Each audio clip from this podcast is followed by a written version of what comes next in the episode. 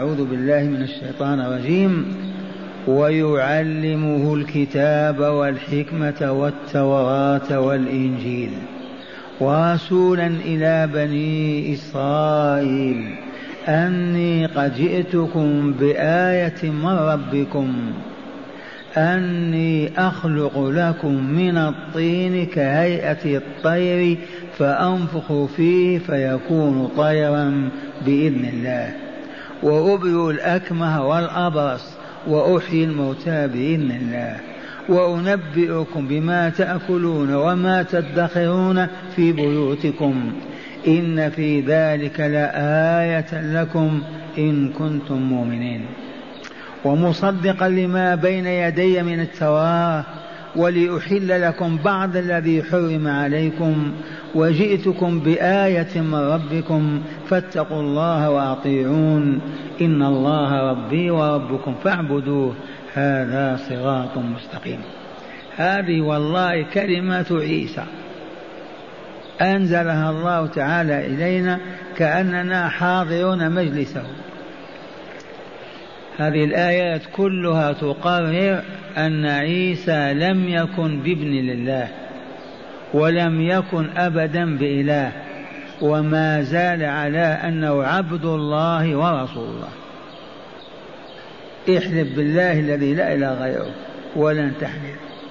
ما كان عيسى بإله أبدا وما هو بإله وما هو إلا عبد الله ورسول الله فتقول أشهد أن عيسى عبد الله ورسوله.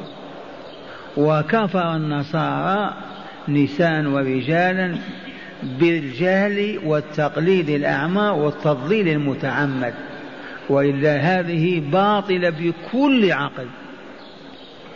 كيف رجل عرفنا أمه وعرفنا أسرته وتاريخه وبلده و والإنجيل الذي نزل عليه وأنه عبد الله ورسوله ونقول إله ونعبده. الجهل أولا والتقليد لبعضهم البعض ثانيا والتغرير والتضليل من العلماء الذين يعيشون على حساب هذه العقيدة الباطلة. إذا ويعلمه من الذي يعلمه الكتاب والحكمة؟ الله. هذا كلام تابع للأول. إذ قالت الملائكة ما قالت. من جملة ما قالته لمريم ويعلمه الكتاب والحكمة. وقد فعل. هذه البشرى هذا كلام بشرى فقط. ما زال عيسى ما وجد ويعلمه الكتاب المراد من الكتاب هنا الكتابة يعرف الكتابة كان يكتب على القرطاس بالقلم. ولهذا فضل الكتابة معروف. إذا كنت كاتبا تكتب الحق والخير فأنت من خيرة الناس. وإن كنت تكتب الباطل والشر والظلم فأنت من أسوأ الناس. الكتاب. قال والحكمة. يعلم الحكمة يصبح حكيما فيما يقول ويقضي ويفكر ويعمل دائما مصيبا في كل ما يريده. إذا ويعلمه التوراة أيضا التي نزلت على موسى عليه السلام وهي في أيدي بني إسرائيل يقرؤونها وكذلك يعلمه إياها ويفهم معناها ويصبح أهلا لها ويعلمه الإنجيل بعد ذلك. هذه الأخبار يستطيع أن يقولها آدمي. كيف؟ ماذا في قماطته؟ ويخبر الله تعالى أنه سوف يكون منه كذا وكذا وفعل الله ذلك كله. علمه الكتاب والحكمة والتوراة وأنزل عليه الإنجيل.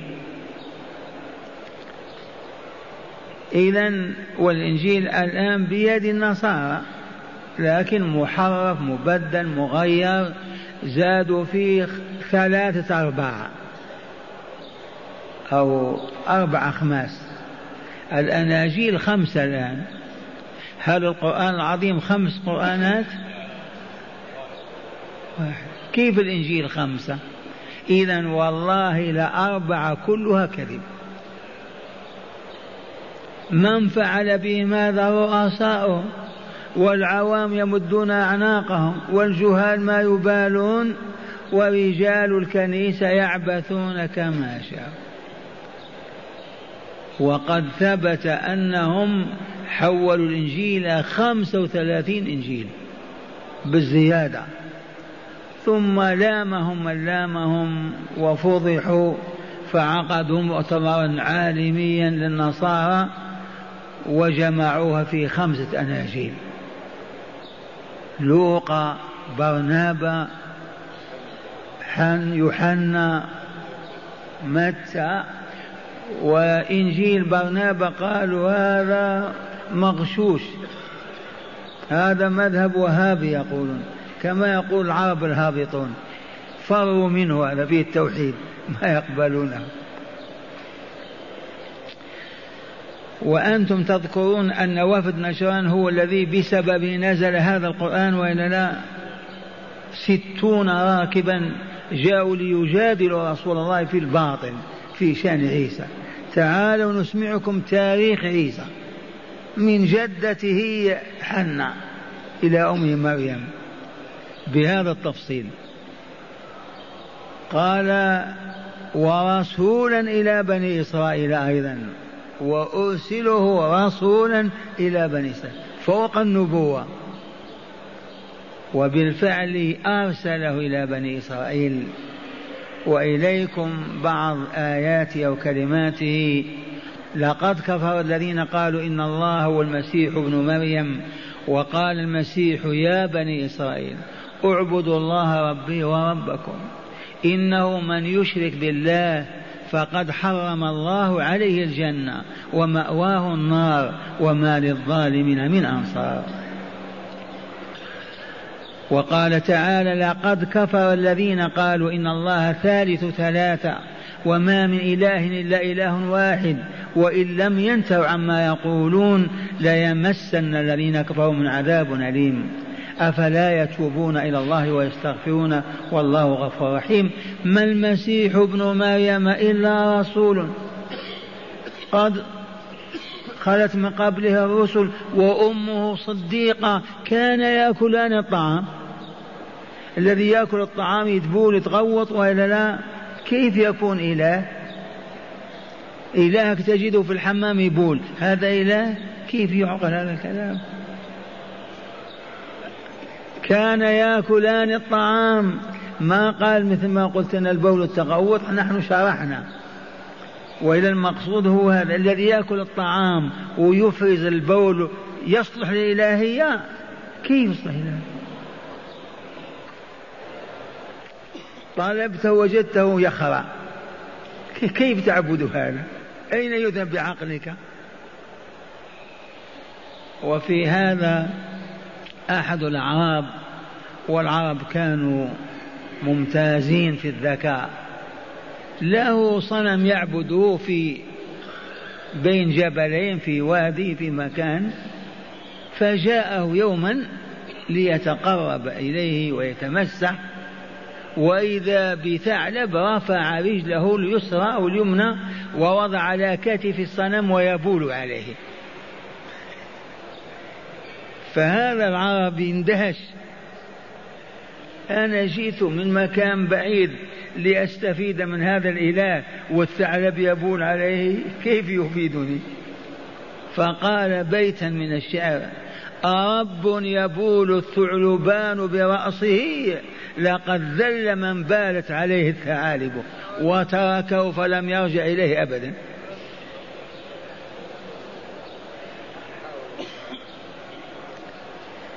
ورسولا إلى بني إسرائيل يقول لهم أني قد جئتكم بآية من ربكم علامة أكثر وضوحا من الشمس إن شئتم أو القمر. تدل على أني رسول الله إليكم. يا معشر يهود. قالوا هات الآية. قالوا اطلبوا. قالوا أحي لنا سام بن نوح فصلى ورفع يديه إلى ربه فقام سام بن نوح من قبره وقال أنا سام بن نوح. ما آمنوا؟ وثلاثة معه أيضا. مرة مؤمنة توفي طفلها ولا تملك سواه وهم يمشون به المقبرة وهو على النعش. فقالت يا روح الله يا روح الله ولدي ادعو الله لي يحيى لي فدعا قال يا فلان قال نعم حطه لف الكفن وعاد مع أمه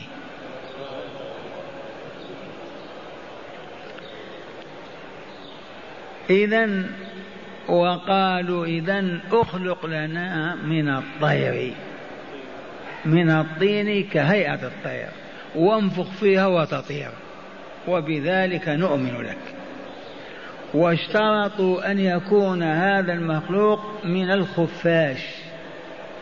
والخفاش من أعجب المخلوقات. أولا لا يرى في الظلام ولا في الضياء. في حيوانات ترى في الظلام ولا ترى في الضياء. هو بالعكس لا يرى في الظلام ولا في الضياء. معه ساعتان قبل طلوع الشمس بساعة وبعد غروبها بساعة وبعد ما يرى شيئا. ثانيا هذا المخلوق مخلوق من لحم وعظم ودم وليس فيه ريش أبدا ويطير يطير بدون ريش. وأغرب منه أن أنثاه تحيض كما يحيض النساء.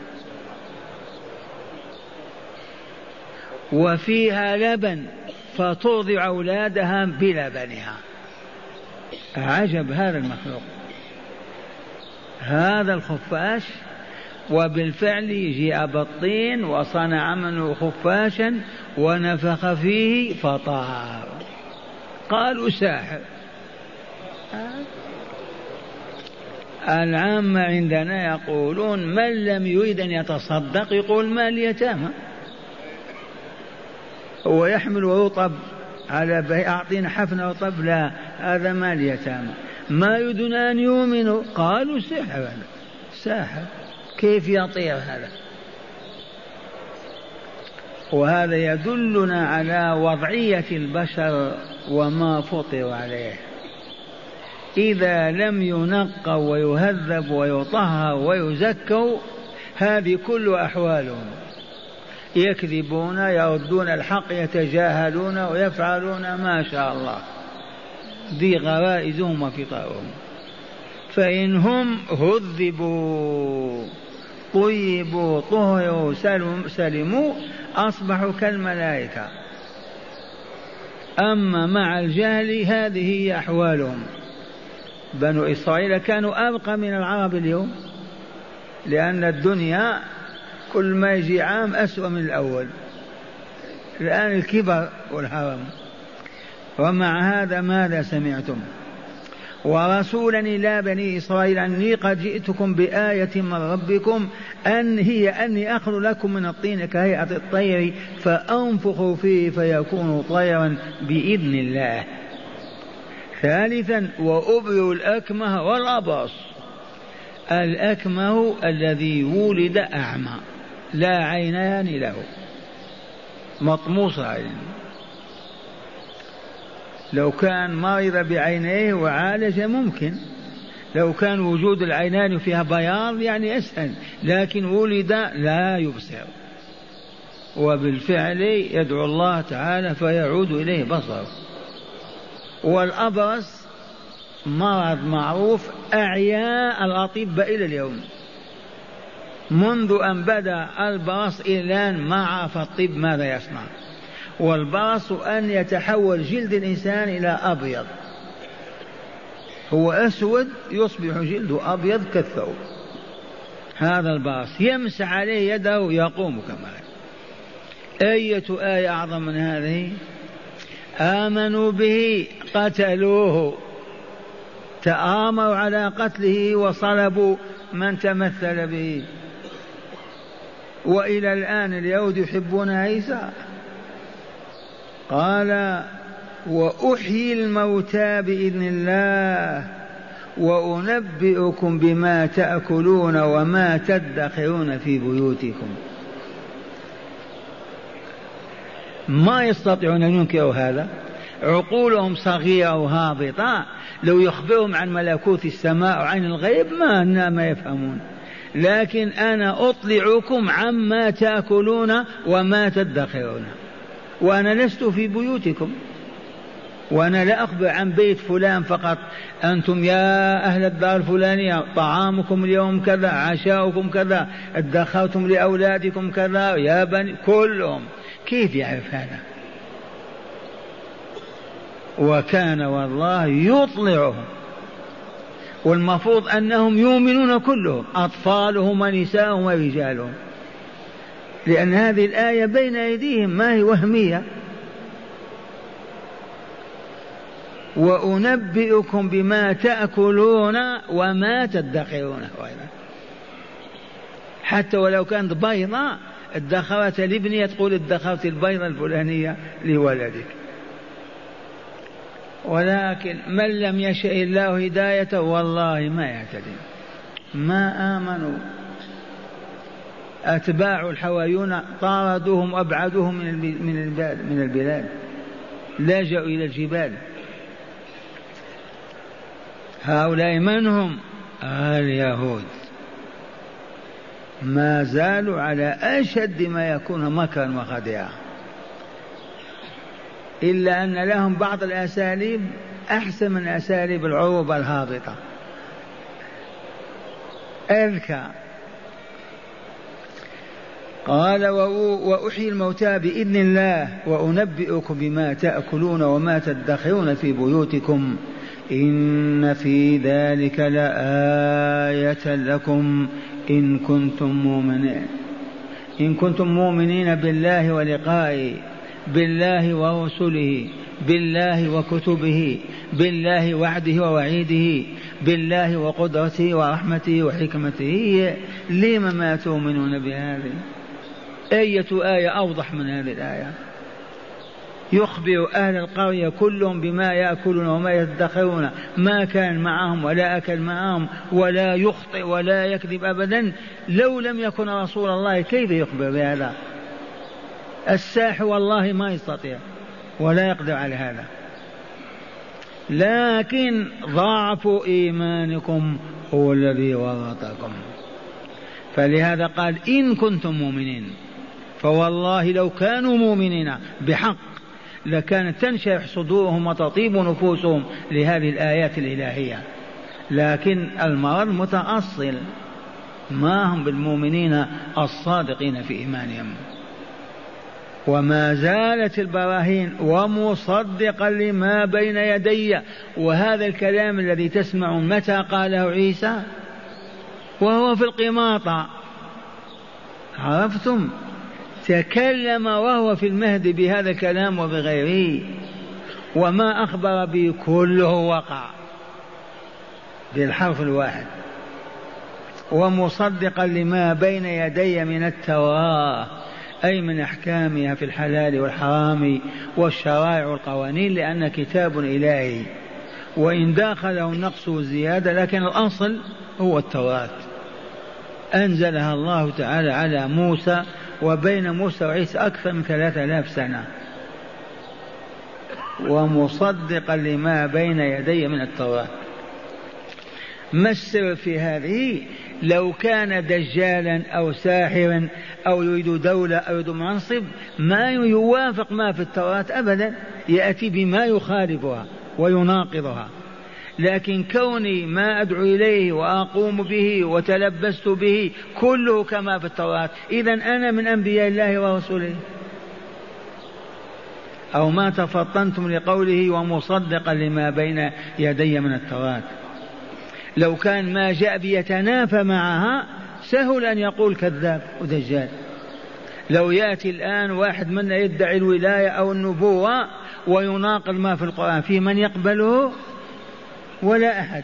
لكن لو دعا دعوة وجدناها في القرآن نقبله. ولهذا قبلنا الدعاة الصالحين. لما؟ لأنهم لا يناقضون ما في كتاب الله بل يؤيدونه ويعبرون عنه ويدعون إليه. فلو تناقض داعي لدعوة ما مع القرآن مرفوض مرفوض. أليس كذلك؟ ومصدقا لما بين بين يدي من التوراة. ولأحل لكم بعض الذي حرم عليكم. ولأحل لكم بإذن الله عز وجل. لا بعض الطعام بعض الشراب بعض اللباس بعض المركوب الذي كان حلالا وحرم عليهم. هذا الذي يحل لهم هو ذاك الذي ظلموا واعتدوا على عهد أنبياء الله فحرمهم الله منه. فلما جاءت رحمة الله مع عيسى عليه السلام لو آمنوا لأحل لهم بعض الذي كان محرم عليهم من أجل بغيهم وعدوانهم. أما الذي حرم عليهم لأجل ما فيه من الضرر ثبات فهو يبقى على أصله. القتل حرام دائما الزنا حرام الربا حرام الكذب حرام. لكن اللحوم التي حرموها أو بعض الشحوم أحلها لهم. هذه آية نبوته أنه يحل لهم بعض الذي حرم الله عليهم عقوبة لهم فبظلم من الذين هادوا حرمنا عليهم طيبات أحلت لهم. فلما جاء عيسى جاء برحمة الله عز وجل جاء لو آمنوا به لأحل لهم ما كان قد حرم عليهم. ولأحل لكم بعض الذي حرم عليكم. وجئتكم بآية من ربكم. لما قال آية عدنان هو آيات لأن لفظ آية اسم جنس كنعمة وإن تعدوا نعمة الله لا تحصوها. نعمة واحدة كيف نعدها ونحصيها الذي لا يحصى العدد وإلى الواحد. إذا فنعمة معناها نعم. كذلك وجئتكم بآية آيات. عشرات مئات الآيات. فآية اسم جنس. كنعمة كما قلت لكم. نعمة الله واحدة نعمة السمع البصر والعلم نعم. ولكن قال وإن تعدوا نعمة الله لا تحصوها. هل يفهم العربي أن الواحد ما يحصى؟ الشيء الواحد. يحتاج إلى عدد ما يحصى. إذا لا بد أنه أفراد بالملايين. وقد جئتكم بآية من ربكم.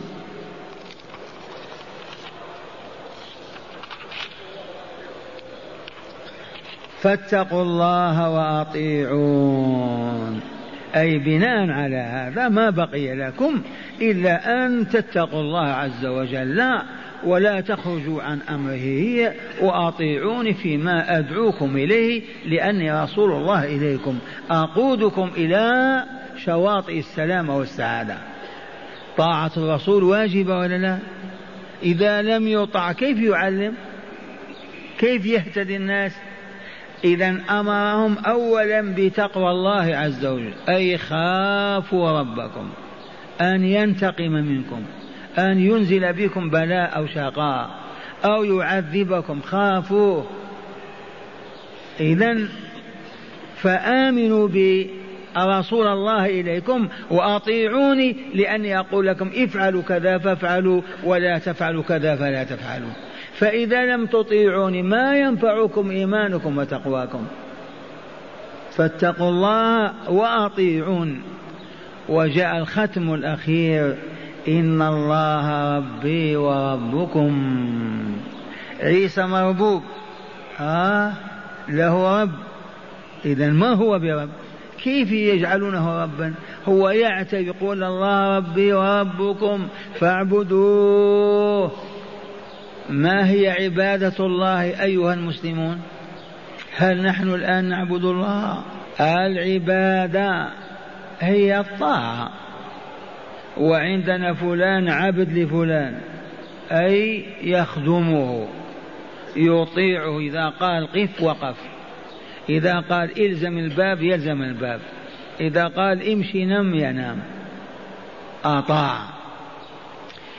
فالطاعة هي فعل الأمر واجتناب النهي. إذا أمرك سيدك بأن تقول قل. فإن قلت لا أقول عصيته وأصبحت تساويه. قال سيدك افعل افعل. قلت ما نفعل؟ ما أنت بعبد. ما عبدته ما أطعته لكن ليس مجرد الطاعة يتحقق فيها معنى العبادة. أولا تعرفون الطريق المعبد وإلا لا؟ طريق في الصحراء الأشواك والحفر والتراب والرمل. فيأتي المسؤول يعبده بالآلات. لما يعبده يذل وإلا لا يسكن يتواطأ. إذا فالعبادة الطاعة التي صاحبها يذل غاية الذل لمعبوده لمن أطاعه ويعظمه غاية التعظيم له. انظر إلى الطرفين. ينكسر يذل تماما كالأرض المعبدة.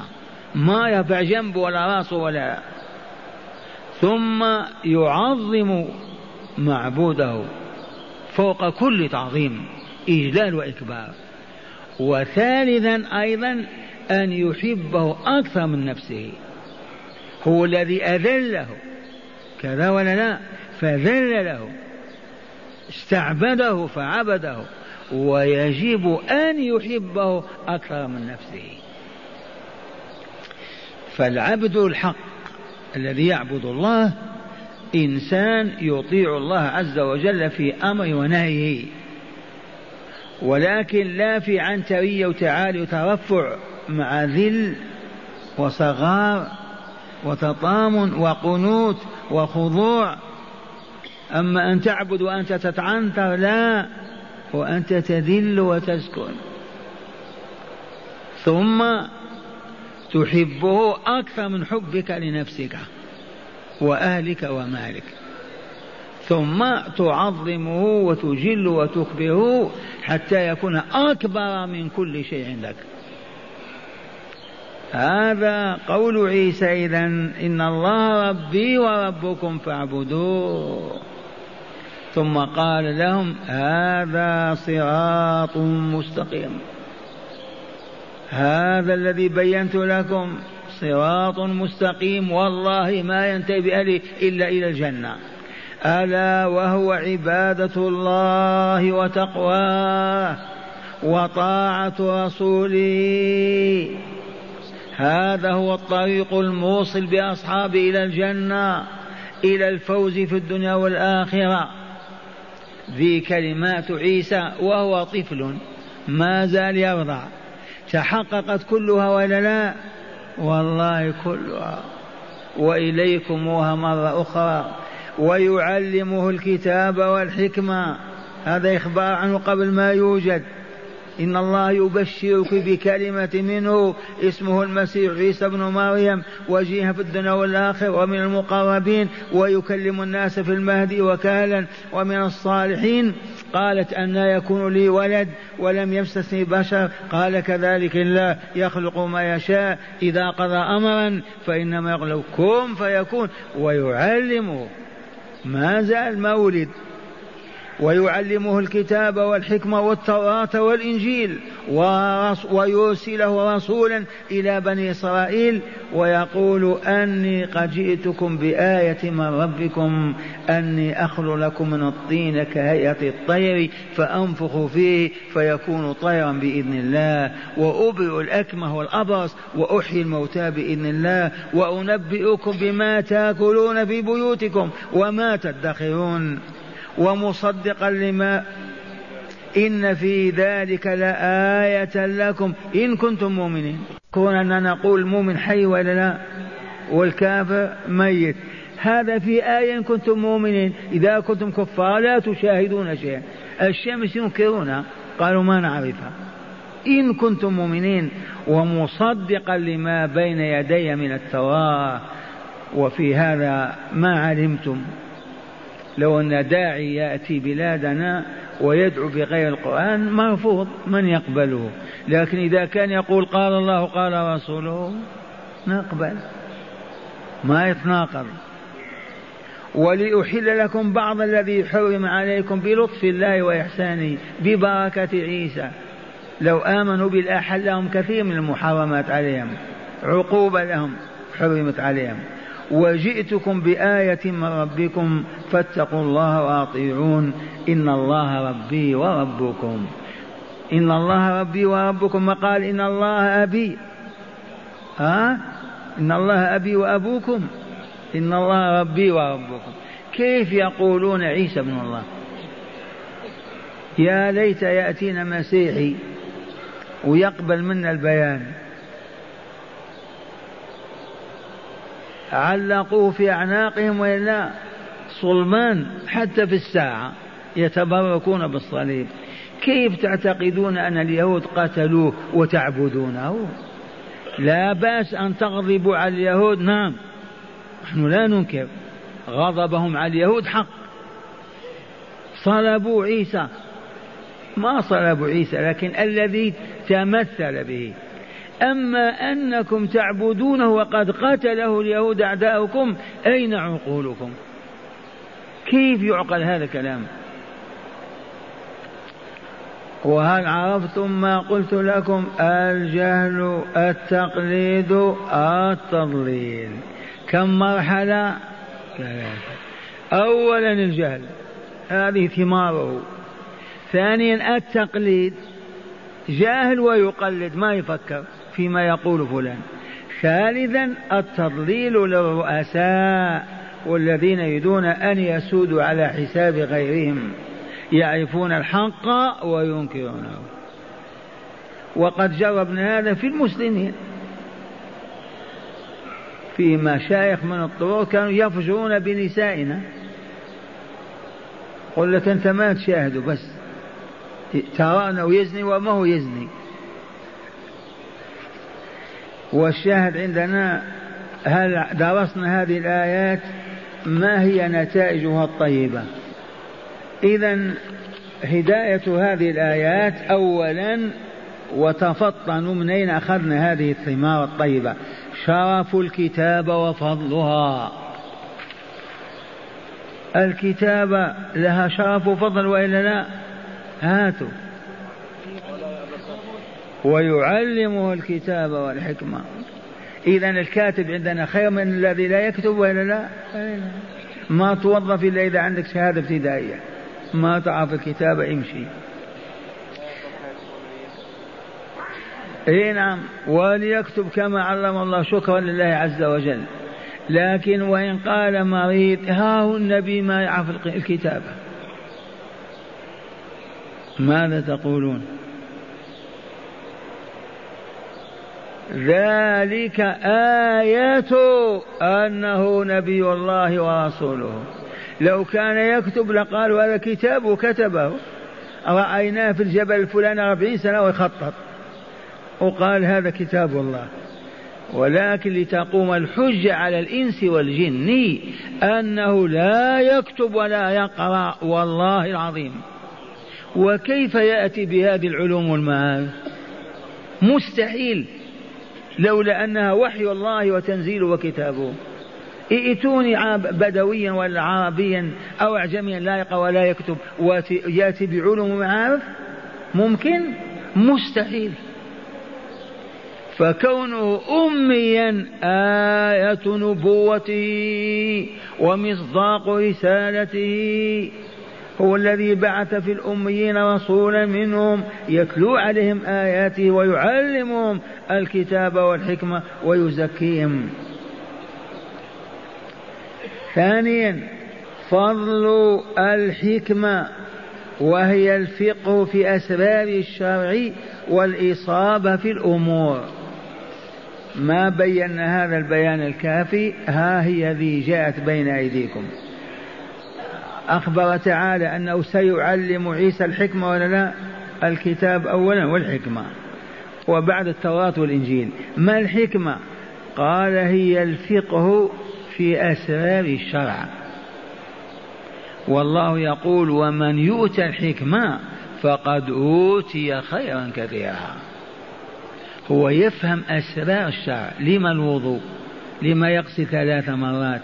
لما صلاة الصبح في هذا الوقت؟ لما حرم الله نكاح مثلا المشركين؟ وهكذا.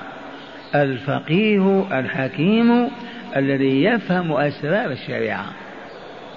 هذا أولا. والثاني الإصابة ما يخطئ الحكيم.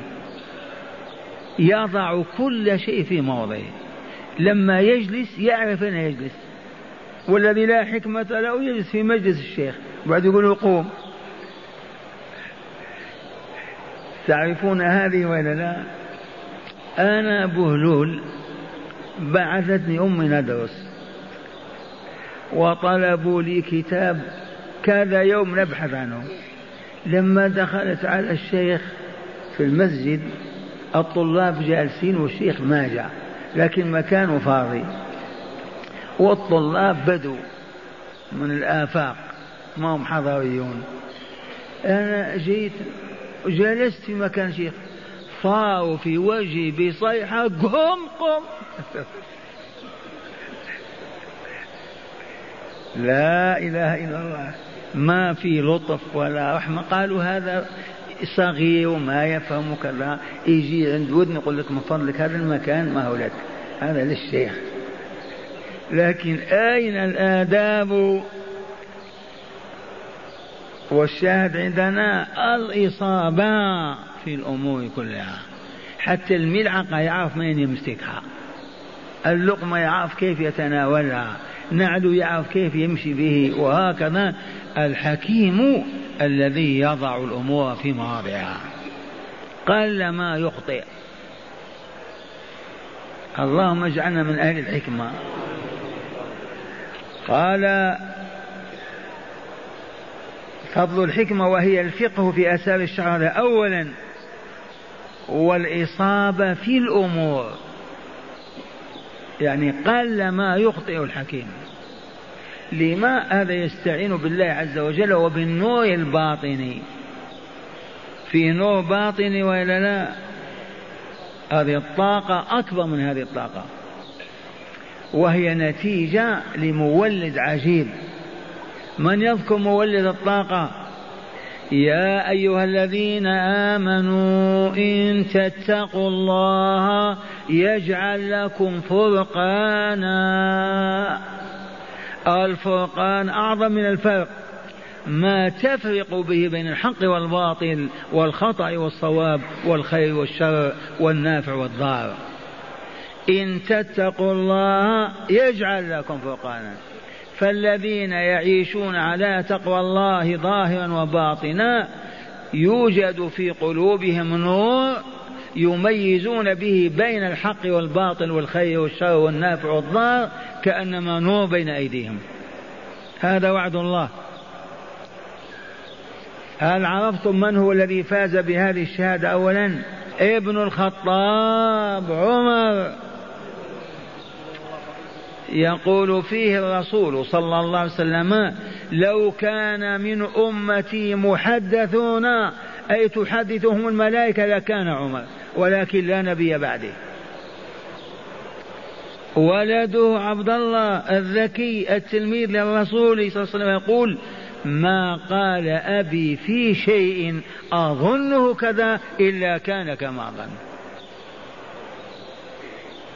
هؤلاء هم الذين يجب أن يكونوا في المباحث. عرفتم؟